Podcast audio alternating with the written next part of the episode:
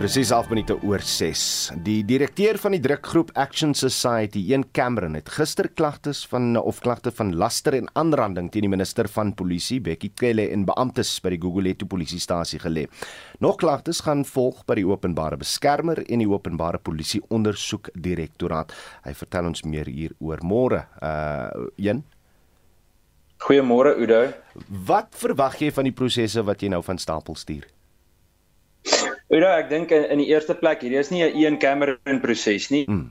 Hierdie gaan oor die beginsel dat wanneer 'n mens opstaan of uh kom ek sê eerder wanneer ek feite wat uit die minister se kantoor uitkom lys vir hom wat praat oor die realiteit op grondvlak vir die oorgrootste meerderheid mense in Suid-Afrika, dan word jy op 'n gewelddadige manier verwyder uit 'n saal uit. So dit beteken 'n baie gevaarlike presedent kan geskep word dat as jy politieke gesag uitdaag, dan word jy deur die polisie verwyder en dit is iets wat ons moet teenstaan en dit is die rede van die klagte. So ons hoop dit word reg ondersoek. Ek is reeds gekontak deur Oopot gister, hmm. ehm um, waar hulle bevestig het dat hulle reeds die polisie saak ontvang het en dat hulle my op hoogte sal hou en ek moet sê die polisie was uiters professioneel gister in Gugulethu toe ek die klagtes gaan gaan oopmaak het.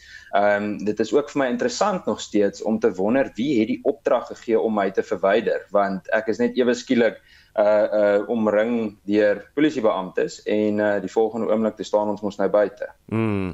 Jy jy kans gehad om om te sit en nadink. Ons almal het kans gehad om te luister na wat gebeur het daai dag om of om te sien wat gebeur het daai dag.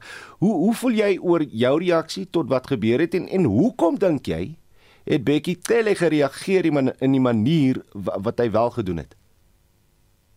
Wel ek is ek ek staan by my by wat ek gesê het. Ek hmm. sal dit weer ook so doen. Ehm um, en uh en en die rede wat ek dit weer sal doen uh is die storie wat ek vertel het op daai dag van ons Epiwe James want die polisie kon niks doen om haar moordenaar te vang nie want hulle het nie die hulpbronne nie en die politieke wil en die leierskap is nie daar nie ons moes dit gaan doen ons het gehelp om haar uh moordenaar te gaan arresteer in die Oos-Kaap en hom terug te bring Wes-Kaap. Dis so ek staan daarby en hy moet pas op dat hy nie politiek verwar met misdaad nie want dit voel vir my hy dadelik in 'n politieke gesprek ingegaan en en elke persoon, moenie my verkeerd verstaan nie, het sy goeie reg om uh, om 'n politieke geskiedenis te hê ensovoorts en hy mag geheld geag word deur party. Dis doodreg. Hmm. Maar moenie die realiteit waarmee ons tans en en alle mense in die land sit in terme van misdaad verwar met die geskiedenis van politiek nie, want op die stadium word 67 mense per dag in Suid-Afrika vermoor. Een die, die soort saak kan of sake kan 'n duur en uitgerekte proses wees as jy voorberei daarop? Ja, uh Uda, jo, ek ek moet vir jou sê, ehm um, daar het selfs gister mense in Gugulethu gekom en gevra hoe kan hulle bydra. So uh dit het my verstom dat mense van vanuit alle oorde, ehm um, ryk, arm, het net gesê hoe kan ons bydra en en mense vanuit alle kultuurgroepe. So ek is ek is nie bekommerd daaroor op die stadium nie. Ehm um, ons ons vat dit soos dit kom en dit is 'n absolute beginsel saak ek dink dit is 'n draaipunt uh wat ons het wat wat politiek nie verwar moet word met die realiteit op grondvlak vlak nie en vir daai rede dink ek is die regte geveg om om aan te pak. Da daar's mense wat meen jy mors jou tyd niks gehad met Bekkie Cele die polisie minister gebeur nie. Hoe wat is jou antwoord hierop? Ag is okay. Ehm um, ek verstaan mense is moedeloos, maar ek dink ten minste ehm um, kon ons wys dat 'n mens kan kan kan iets sê en 'n mens kan iemand dalk 'n bietjie ehm um, bietjie laat terug staan. Jy weet hmm. hom homself ook 'n bietjie bietjie gas gee as ek dit so kan stel.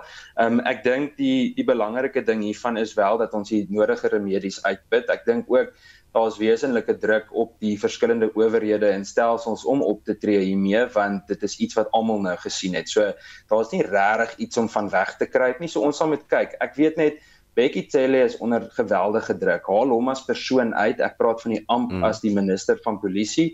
Ehm um, hy is onder geweldige druk. Ehm um, dit trend al op Twitter vir die afgelope 72 uur indien nie langer nie.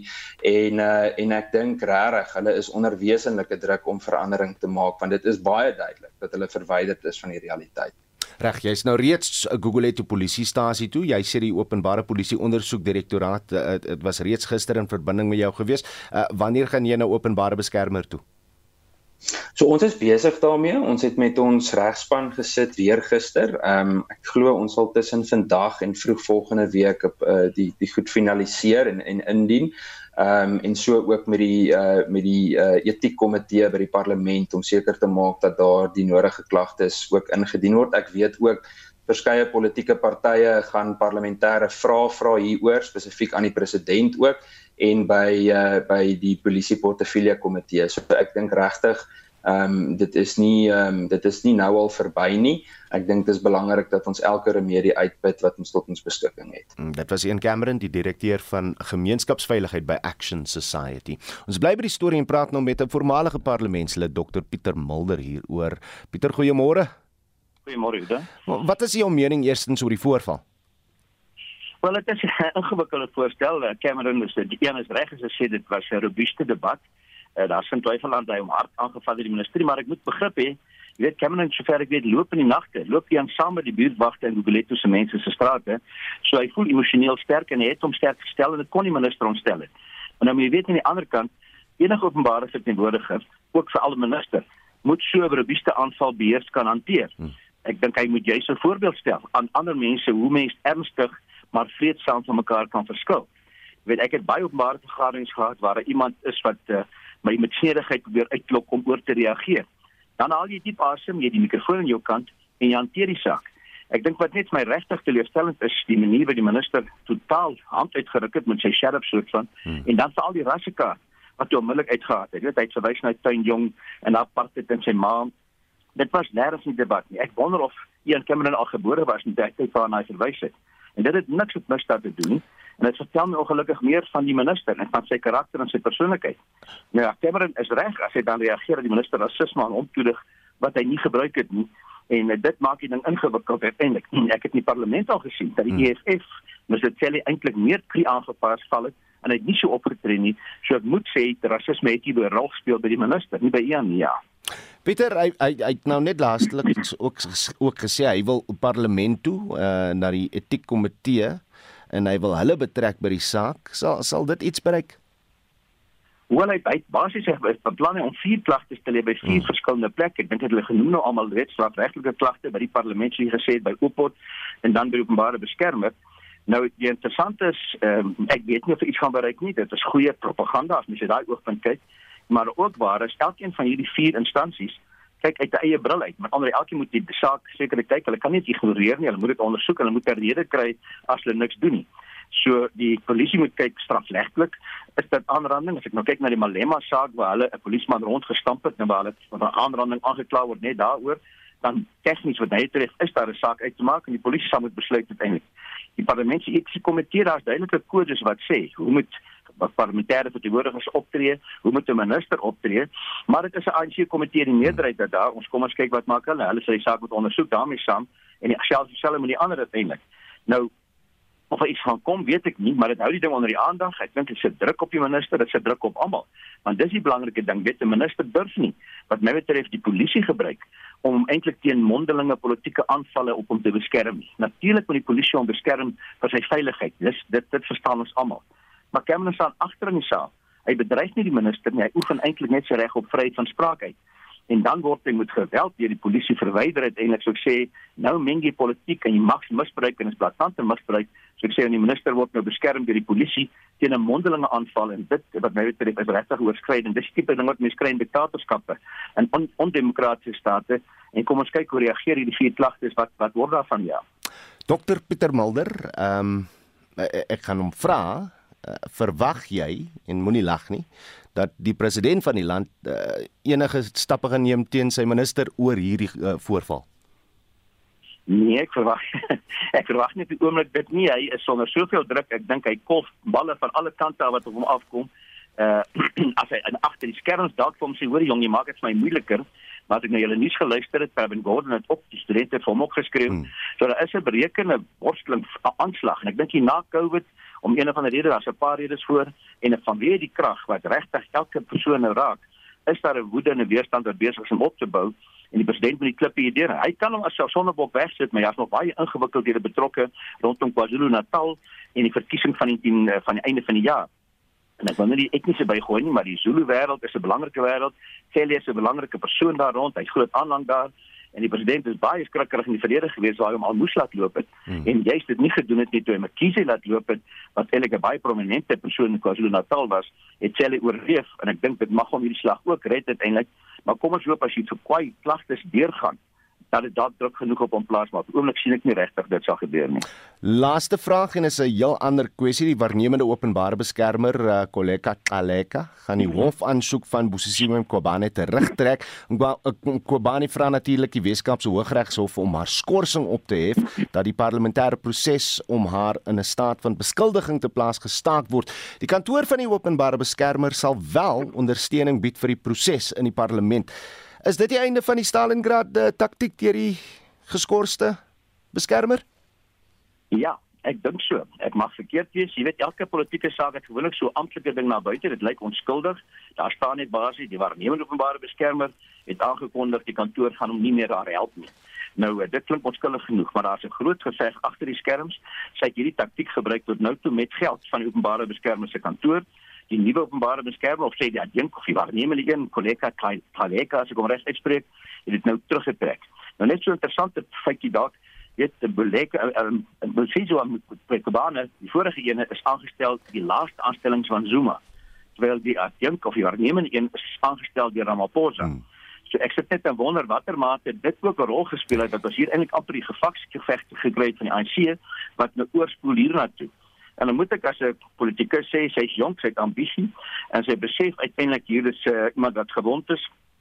Sy baie keer in die leeu en die politiek kry dit as in 'n trop leeu's die uh, senior leeu of die ou baas leeu wat eintlik seer kry, dan gryp die ander hom uiteindelik in die jaag vir hom slag. Die haie vreet selfs aan haar op wat bloei.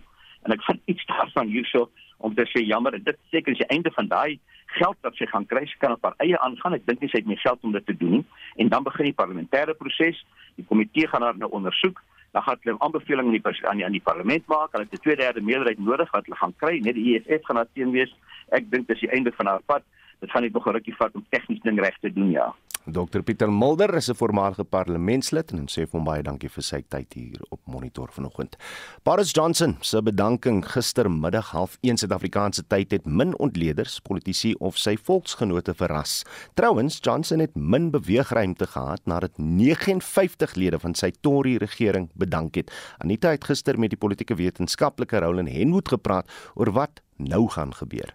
Nou gaan die konservatiewe party moet besluit wanneer en hoe gaan hulle 'n nuwe leier verkies vir die party en daardie persoon is dan die een wat heel waarskynlik die nuwe eerste minister sal word.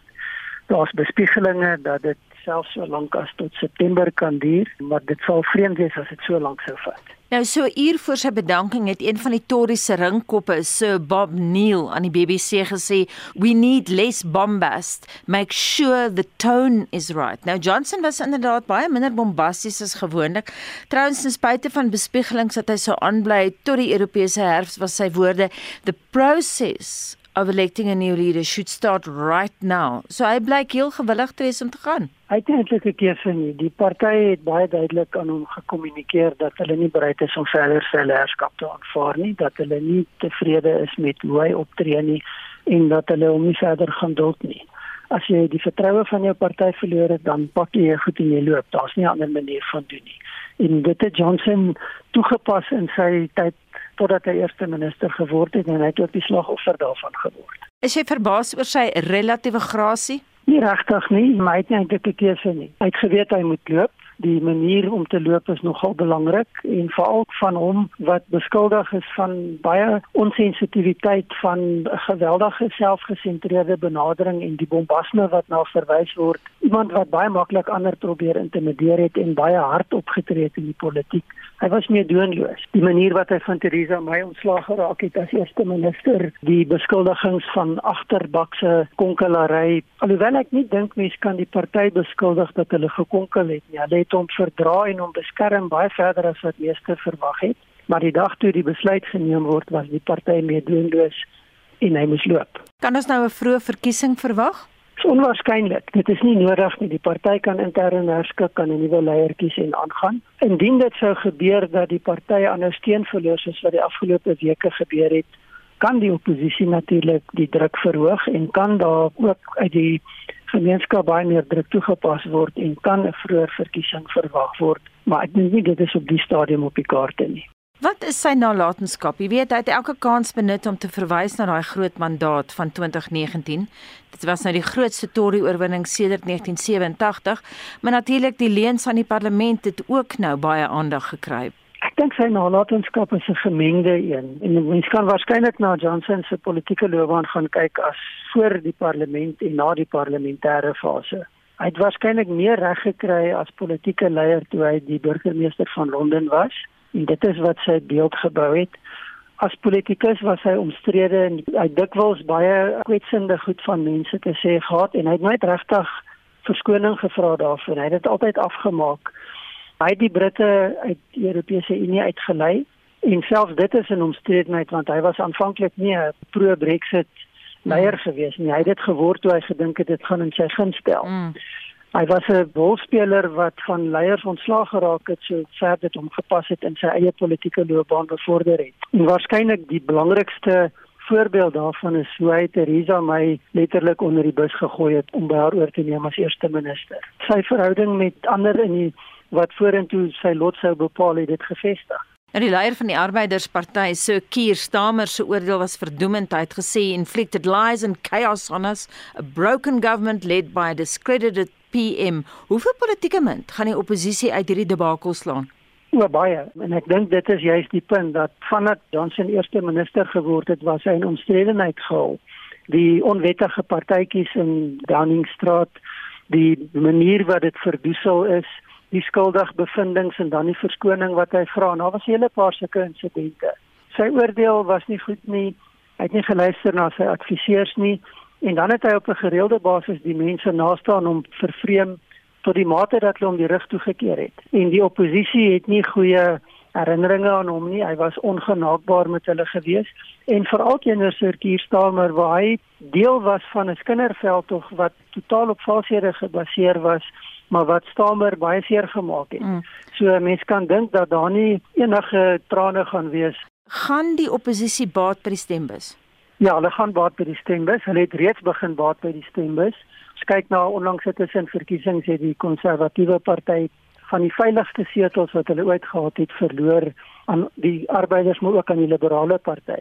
En die interessante is dat dit lyk asof Johnson eintlik die liberale party nuwe lewe gegee het met hoe hulle presteer het die afgelope tyd. En dit ten koste van die konservatiewe party. Ja, hulle gaan definitief baat. Wie gaan Johnson opvolg? Ek sien nou Dominic Raab en Ben Wallace van verdediging se name is genoem, maar die politieke ontleder Rod Deckham van King's College sê daar's geen ooglopende opvolger nie. Hy praat van no leaders stepping up.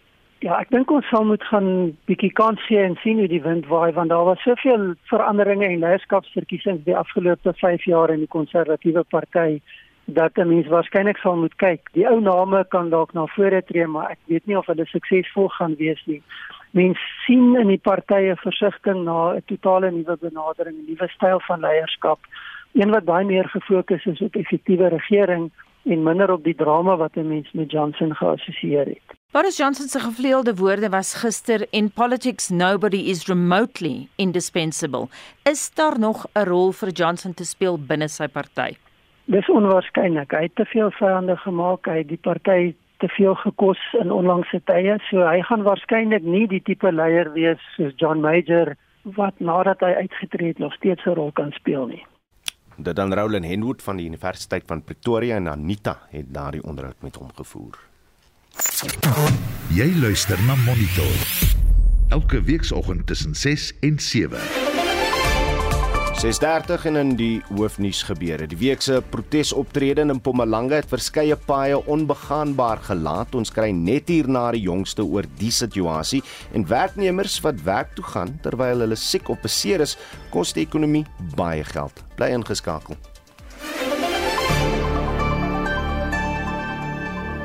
Daar is geen verkeer. In Gauteng op die N12 Wes net na die Kingsway hoofweg was 'n ongeluk. Die middelste baan is gesluit. Ekskuus tog. In Johannesburg op die M1 Noord by die Crown wisselaar beweeg die verkeer besonder stadig.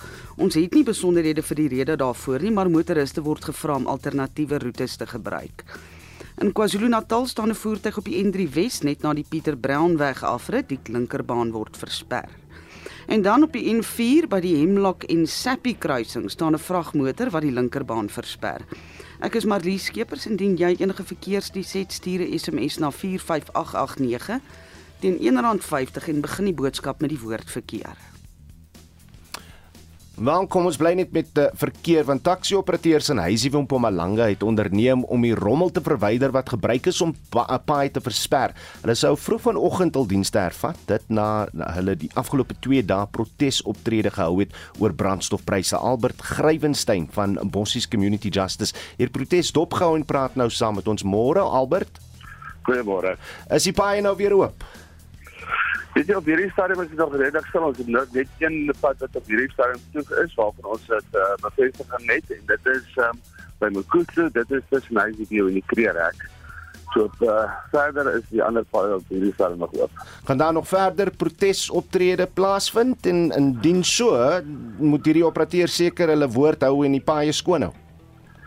Ja, jy, ons verwag dat dit ons is nog nie naby die einde nie. Ehm um, as ons sien hoe dit gisterand gegaan het, dit was nog 'n baie rowwe aand gewees. Jy weet daar's 'n vragmotor in brand gesteek op die N4 uh net voor die Malaland tolhek in Komasi tolhek. En ehm um, baie versperrings gehad gisterand. Uh so van 12 uur af het dit begin rustig raak. En so ek sê nou nou vroegoggend het hulle die pad versper daar by Mkhutshu. So ek dink nie dit ons die einde op insig nie. Hmm. Die polisie loop gereeld deur onder kritiek, maar ek verstaan dat in hierdie situasie het hulle wel hulle werk goed gedoen. Weet jy ja, hulle help ons nogal baie goed. Ehm um, die probleem is uh dit is eintlik 'n vreedsame of 'n uh, redelike rustige protes. Wat gebeur is die voertuig word gehijack en word oor die pad getrek, die sleutels word word geneem en dan skuif hulle aan. So dit is net 'n voertuig wat die wat die pad versper. Hmm. En wat die probleem is dan vir die polisie om die voertuig te skuif. Die tyd dat die voertuig geskuif is deur 'n ingreepdienste wat ook al is net 'n paar kilometer verder as die volgende ene. So dit is bietjie moeilik vir hulle om uh, by te hou alles, want dit is nie skare beheer of iets wat hulle moet toepas nie. Dit was Albert Grywenstein van Bossies Community Justice.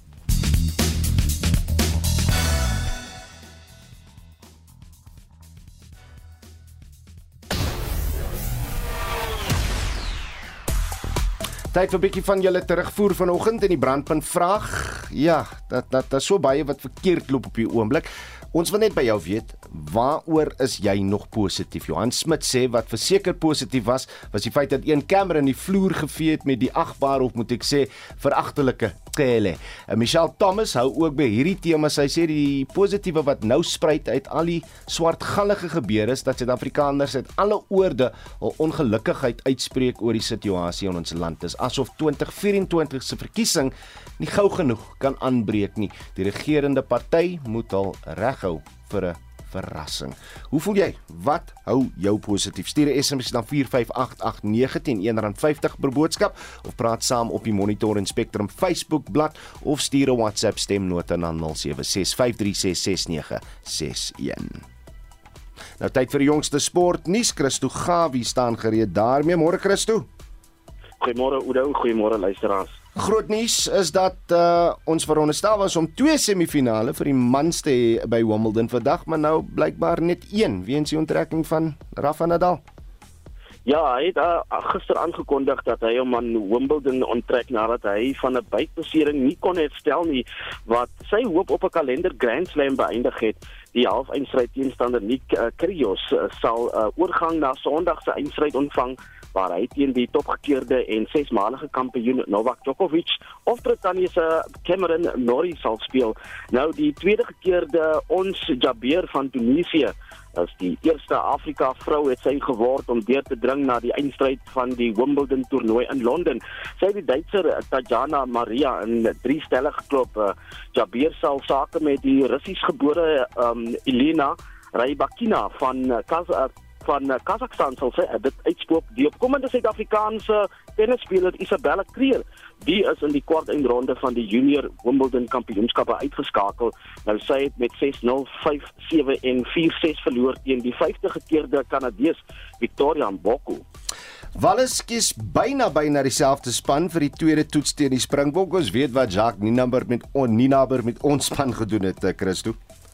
Absoluut soos jy sê, hulle het met een uitsondering presies dieselfde span gekies om die Springbokke uh in môre se tweede toets in Bloemfontein die stryd aan te sê. Die een verandering is op vleuel waar die ervare Alex Cuthbert bo Josh Adams gekies is. Die Springbokke het dinsdag al span gekies en het uh, net een enkele speler van die eerste toets in die beginspan behou. Ierland het ook net een skuif gemaak vir hulle tweede toets teen die All Blacks. Die vleuel Mac Hansen is terug nadat uh, hy van COVID herstel het. Johnny Saxon bly op by die losskakelposisie. Al was daar vrese dat hy hartskudding in die eerste toets opgedoen het. Daar is drie nuwelinge in Engeland se agterlyn met die span wat desperaat is om die tweede toets teen die Wallabies te wen. Die groentjies is die skrimskakel Jack van Portfleet, die center Guy Porter en die vleuel uh, Toby Freeman. En in nog rugby nuus is uh, sal die junior Springbokke dinsdag in die eindstryd van die onder 20 somer sins uh, ses nasie reeks teen Wallis se kragte meet. Albei spanne het hulle groepwedstryde gewen en in Kruiven week rugby pak die gasheere die WP en die Blou Bulle. Hulle pak mekaar in môre se Kruiven week eindstryd by die Hoërskool Seunskool Randebos. Dit kom nadat die Bulle die SVD gister op die Tinkie Heinz veld met 34 uh 12 geklop het. En uh, goeie werk deur Banyana Banyana. Hulle het nou hulle 3 punte gekry en behoort deur te gaan na die uh, uitklopfase van die vroue Afcon, maar ek sien op tuisbodem is dit uh, Supersport United. Hulle het, hulle het nou 'n nuwe afrigter. Ja, SuperSport United uh, gaan sy voormalige afrigter Gavin Hunt uh, verwelkom. Hulle terug. Hunt het SuperSport van tevore tot die PSL titel gebrei. Meer onlangs was hy by Kaizer Chiefs en ook Chippa United. Nou Banyana Banyana het gister in uh, Marokko hulle pad na 'n sege van 3-1 oor Burundi in die vroue Afrika beker wedstryd geklop nadat hulle maandag hulle toernooi met 2-1 oorwinning teen die magtige Nigerië begin het. Wou Banyana Banyana hulle plek na die uitkom koophoue teen die laaggeplaaste Burundi verseker Banyana Banyana. Hulle speel Sondag hulle laaste groep C wedstryd teen Botswana en die afskoptyd is om 10 na middag Sondag aand. Dit dan Christo Gawie van RSG Sport.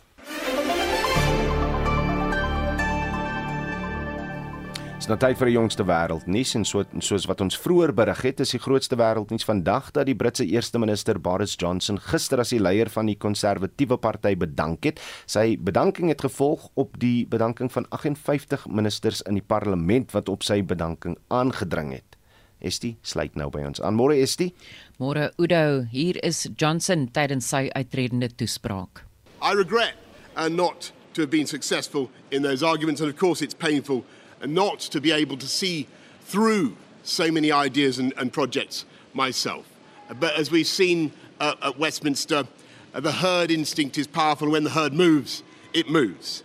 And my friends, in politics, no one is remotely indispensable. And our brilliant and Darwinian system will produce another leader equally committed to taking this country forward through tough times. Like blyk my ons het ST verloor daar. Um ons sal later 'n bietjie terugkeer na van die klank hier in uh op monitor. So wat 6,5 miljoen pasiënte wat met 'n geestesgesondheidstoestand gediagnoseer is, wag op behandeling in Suid-Afrika. Boonop is daar nie genoeg psigiaters in die land om die pasiënte te behandel nie. Die minister van gesondheid, eh, Joe Pahla, het die inligting in die parlement bekend gemaak. Estie het meer besonderhede. Ek weet jy geniet elke Saterdag aand RSG Country Klanke. Eerskomende Saterdag aand maak ons weer so. Like a rhinestone cowboy. From a jack to a king. Ek is Jacques Arend en herinner jou om nie Country Klanke tussen 10 en 11 hier op RSG vanuit die baai mis te loop nie. Hold your face a little closer to the cat. Ek kom ons keer nou terug na die storie uh, aangaande ons geestesgesondheid. So wat 6,5 miljoen pasiënte wat met 'n uh, geestesgesondheidstoestand gediagnoseer is, wag steeds op behandeling in Suid-Afrika. Boonop is daar nie genoeg psigiaters in die land om die pasiënte te behandel nie. Dit is bekend gemaak deur die minister van gesondheid, Jou Patla. Estie het meer besonderhede. Pathla het in die parlement gereageer op 'n vraag van die DA parlementslid Michelle Clank oor hoeveel psigiaters in die land praktiseer en hoeveel beskikbare poste daar is. Clank sê sy besoek gereeld psigiatriese eenhede in hospitale. And at each hospital that I have visited, the situation is exactly the same. The mental health ward for patients is always full to capacity, and mental health patients are then put into beds in casualty and various other wards for care. Sy sê die DA gaan 'n voorstel indien dat die departement van gesondheid voor die parlement se portefeulje komitee moet verskyn.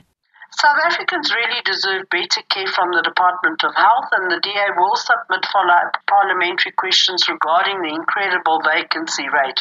We will also request the department's urgent appearance before the Parliamentary Portfolio Committee on Health regarding these interventional plans that need to be done.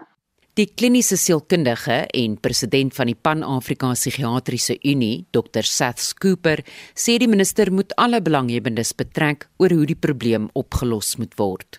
It is unconscionable that South Africa should confront this burden of mental health disease at a time when we can least afford it.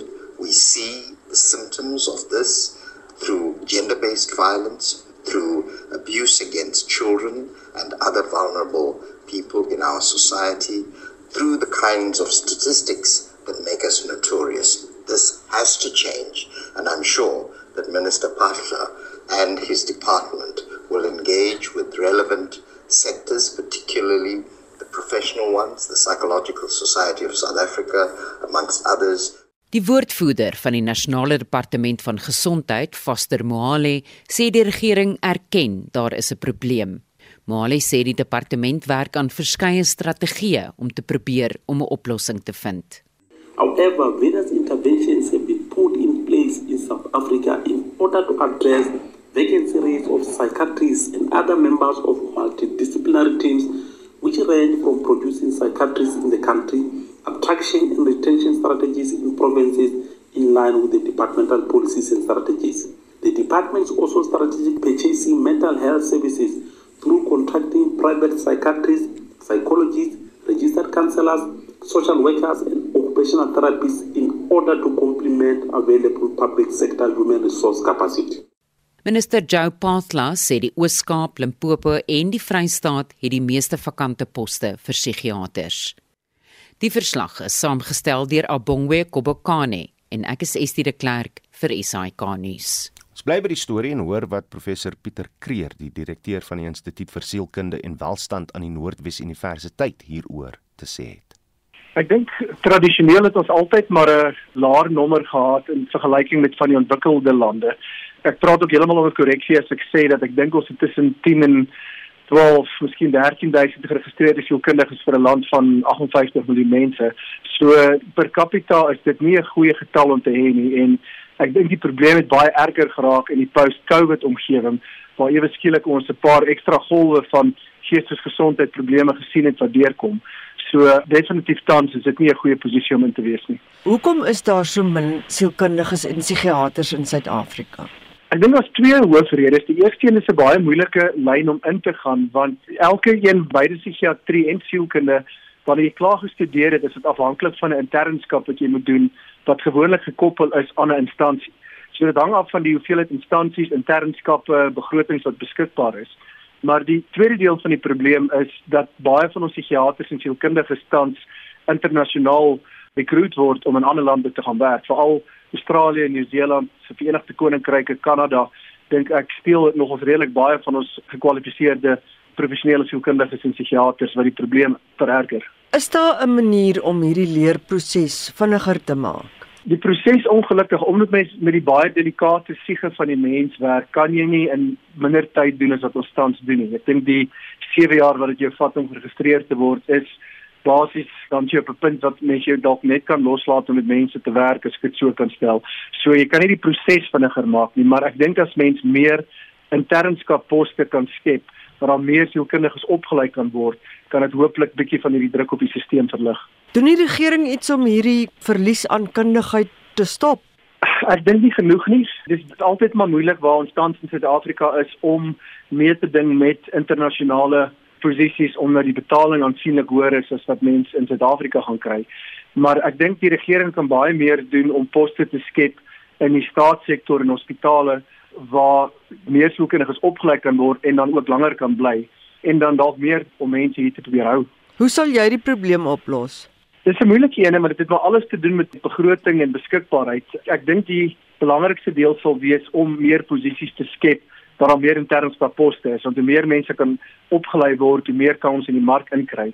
Maar dit daar's nie 'n gemaklike antwoord om mense hier te hou as dit kom by salarisse wante aspekte en werksomstandighede nie in 'n staatshospitaal is dit maar hard dis 'n borsmasjien wat 'n klomp kliënte op een dag gesien moet word en is moeilik onthoudinge te bou en langtermynterapie te doen waar ek is nie seker wat 'n korttermyn oplossing daarvoor sal wees nie. Hoe gemaak as jy geestesongesond is, maar jy kan nie 'n sielkundige of 'n psigiater raadpleeg nie? Dit is 'n groot probleem tans want as mense in die bevoordeelde posisie is om privaat te kan betaal, behoort jy gewoonlik binne 5 tot 10 dae afspraak te kan kry in die staatssektor is die waglys baie keer etlike maande, 6, 7, 8 maande voordat jy iemand kan sien. En ons het nie soos oorseese lande die terapeut kategorie wat mens ten minste intussen tyd iets kan doen nie. So dit maak dit regtig moeilik om die nodige hulp te kry wanneer dit benodig word. Professor Pieter Kreer van die Instituut vir Sielkunde en Welstand aan Noordwes Universiteit daarin uit met Mitsi van der Merwe gepraat. Werknemers wat werk toe gaan ten spyte daarvan dat hulle siek voel, beseer is of depressief is, kos die ekonomie 7 keer meer weens produktiwiteit wat verlore gaan. In finansiële terme kos die sogenaamde afwesige teenwoordigheid die ekonomie 235 miljard rand elke jaar. Die hoof van die MBA in gesondheidsleierskap aan die Stellenbosch Bestuurskool professor Renata Skuman sê nou dat mense virtueel kan werk, word die druk om te werk al groter en die fokus op gesondheid raak al minder. So ons almal is wel bekend met afwesigheid. Met ander woorde, ek is nie by die kantoor nie, wat ook al die rede mag wees. Hoopelik as ek afwesig is, het ek 'n goeie rede, ek is siek, ek neem siek verlof ensovoorts. Dan het ons 'n groep mense wat net swak werksetiek het. Ek is by die kantoor, maar ek is eintlik besig op sosiale media of om die internet te besoek in plaas van my werk te doen. Of ek kan by die huis wees in 'n Zoom vergadering, maar my video is af en ek besig om die kamer skoon te maak of om kos te kook. Nou dis swak werksetiek. Dis nie waarvan ons praat nie. As ons praat van presenteeism of terwyl afwesige teenwoordigheid, is ek fisies daar, maar as gevolg van 'n uh, fisiese siekte of as gevolg van 'n uh, emosionele welstandsprobleem, angs, depressie, slaapprobleme, substansmisbruik of wat ook al die geval is, stres, is ek nie ek het nie die vermoë om te konsentreer, goeie besluite te neem of regtig teenwoordig te wees nie. My kop is ergens anders. So ek's fisies daar, maar op 'n emosionele en kognitiewe vlak is ek eintlik afwesig. So, wat is die impak daarvan eerstens op die werknemer? So die werknemer self verhoog dit natuurlik verder nog die angs en stres vlakke want een ek is nou hier ek weet ek is nie regtig die vermoë om produktief te wees en goeie besluite te neem nie maar ek is so bang om een hulp te soek of te erken dat ek nie koop nie. En nommer 2 ek is bang om onproduktief te wees want ek weet nie hoe my werkgewer daarna gaan kyk nie. En deesdae in die ekonomiese klimaat is ek nog so bang ek verloor my werk. So dit verhoog hulle angsvlakke, maar dit maak ook dat hulle nie noodwendig die hulp kry en toegang het tot die hulp wat hulle benodig het om weer met hulle goed te gaan en wel produktief te kan wees nie aan die werkgewer se kant wat dan aan die ander kant is, kan dit baie frustrasie veroorsaak. Want as die werkgewer nie begrip het vir wat aan die gang is nie, sien ek net iemand wat ewe skielik nie meer produktief is nie of iemand wat foute maak of iemand wat net nie by is nie en ek kan dalk gefrustreerd raak as ek nie verstaan wat aangaan nie. Maar nommer 2, daar is definitief ekonomiese impak en ons weet wat nogal skokwekkend is is dat hierdie afwesige teenwoordigheid sewe keer duurder is vir organisasies as wat mense fisies afwesig is of siek verlof neem. En dan as ons kyk na hierdie afwesige teenwoordigheid wat ook nogal 'n groot bekommernis is, is dat dit spesifiek twee dele van die populasie meer affekteer. Een in ons laer inkomste groep, mense wat daglone kry of kontrakwerkers is. Ongelukkig is dit ook baie keer mense wat met gevaarlike of groot masjinerie werk of dalk self lang afstand bestuurders is. Nou as jy nie kan konsentreer nie, kan jy foute maak en dan kan dit 'n fatale ongeluk tot gevolg hê. En hoe meet mens die koste van 'n mens se lewe? Die tweede groep werknemers wat geaffekteer word, is dan nou weer in die hoofvlakke, die executive of C-suite, waar jy in 'n leierskapsposisie is en voel, maar ek kan nie swak wees nie. Ek kan nie hulp soek nie. Mense moet my weet ek kry swaar nie. So ek bly by die werk want wie gaan die besluite neem? Maar as dit nie met my goed gaan nie, kan ek nie noodwendig weldeurdagte, helder besluite neem nie en dit kan natuurlik finansiële en mensimplikasies hê vir my organisasie.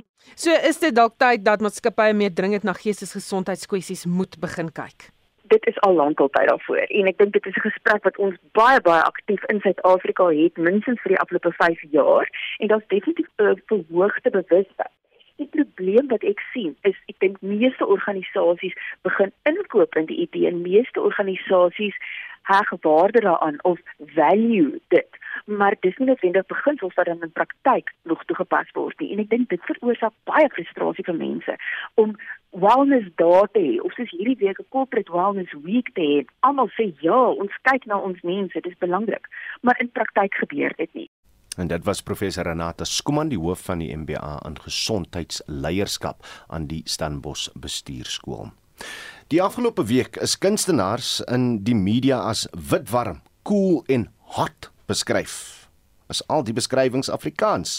Is een van die vrae wat Dr Willem Botha vanoggend bespreek. Dr Botha staan aan die hoof van die Woordeboek van die Afrikaanse taal, 'n nasionale woordeboek projek. Môre Willem.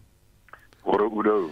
Moet ons nou sê Austin Butler as Alwys of die Protea vroue cricketspan is wit warm of kan ons maar sê hulle is hot of cool? Van dese week Udo kon jy die volgende in die koerante lees. Elvis herreis en rock wit warm. Die groep se musiek was hotter as Armstrong se melodie en die koelste deel van die fliek is waar die meisie so vinnig deur die bos hardloop. Nou leenwoorde in Afrikaans en veral leenwoorde uit Engels is 'n baie sensitiewe saak. Hmm. Ons is egter nie die enigste taal wat jag maak op Engelse woorde en veral anglisismes nie. Selfs die Italianers stryd teen Engelse leenwoorde en anglisismes in hulle taal. Anglisismes kan in enige taal voorkom, dis iets wat volgens die Engelse model is. Die Franse het lank uh, adverteerders beboet wat Engelse woorde in TV-advertensies gebruik. 'n Leenwoord is 'n woord wat ons uit 'n ander taal leen omdat ons nie beskik oor 'n woord om die bepaalde begrip te beskryf nie, soos byvoorbeeld speaker uit Engels en restaurant en taxi uit uit Frans en ombudsman uit Sweeds.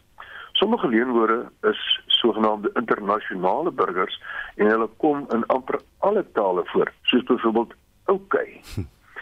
Nou wanneer ons egter 'n woord uit Engels en Afrikaans gebruik wat die eg Afrikaanse woord verdring, terwyl ons die woord het, noem ons dit 'n anglisisme. Ek hardloop twee restaurante en Hulle het 'n groot nommers opgedaag. In plaas van ek bestuur twee restaurante en hulle het 'n groot getalle opgedaag. Dis voorbeelde van anglisismes wat jy elke dag hoor. Vroeger het ons uh, soms 'n uh, Engelse woord vir Afrikaans en dit dan gebruik totdat ons 'n eie woord ontwikkel het, soos breakfast uit breakfast wat later ontbyt geword het. Break uit break wat later rem geword het. Maar breakfast en briek leef egter voort in informele Afrikaans. Maar dan moet ek vra, wat dan van amazing, Willem? You know, a few years ago, everybody was continuously stunned and everything was stunning. Now, they are as amazed as they were stunned. Nou weet jy, Udo, alles wat nou amazing is, word dalk weer verstommend, verbluffend, merkwaardig indrukwekkend of buitengewoon. Ah, sy lieflik, lieflik dokter Willem Botha sal die volgende 2 Vrydae in Duitsland wees, maar hy sal wel weer uh op die program op die 29ste Julie uh hier op monitor verskyn. Daar is geen verkeer. In Gauteng op die N12 Wes, net na die Kingsway hoofweg, was 'n ongeluk. Die middelste baan is vroeër gesluit, maar intussen is 3 bane gesluit. Verwag ewige vertragings. In KwaZulu-Natal op die N3 Wes net na die Pieter Brown weg, afrit staan 'n voertuig van die linkerbaan versper. En dan herinner ek julle net aan die vragmotor op die N4 by die Hemlak en Sappi kruising wat die linkerbaan versper. Ek is Marlie Skeepers en dit was jou verkeersnuus vanoggend op Monitor.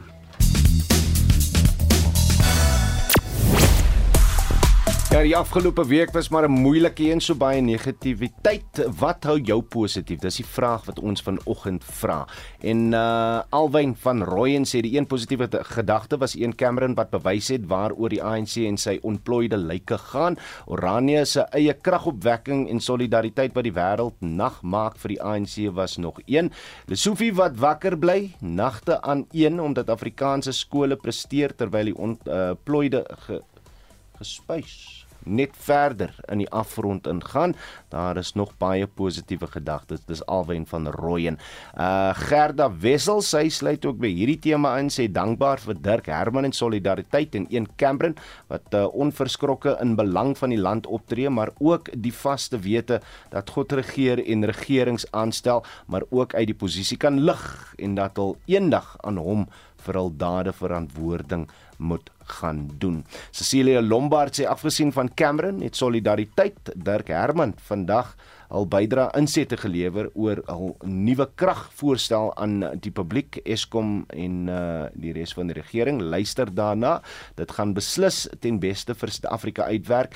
Werkskepping valuta in sirkulasie en onafhanklike of onafhanklikheid van die ANC regering uh op lange duur goedkoper en betroubaar vir ons almal. Stuur gerus 'n meer van julle terugvoer uh en die maklikste manier om is om dit te doen is deur 'n SMS te stuur na 4588919 R50 per boodskap. Jy kan ook praat uh saam praat op ons Monitor en Spectrum Facebook bladsy of stuur vir ons 'n WhatsApp stemnota na 0765366961. Op sosiale media bly National Shutdown steeds die gewildste onderwerp, gevolg deur die hit Becky Chele wat bykans 20000 keer gedeel is. En onder die opskrif internasionale politiek is die voormalige Britse eerste minister Boris Johnson heel bo aan die lys van gewildstes. Onthou om te skakel vir ons ander nuusaktualiteitsprogramme Spectrum tussen 12 en 1 vanmiddag asook Brandpunt omstreeks kwart voor 6. Dan groet ons namens ons uitvoerende regisseur Nicoline de Wet, die redakteur vanoggend Justin Kennerly, ons produksieregisseur is Frikkie Wallis en ek is Oudo Karelse.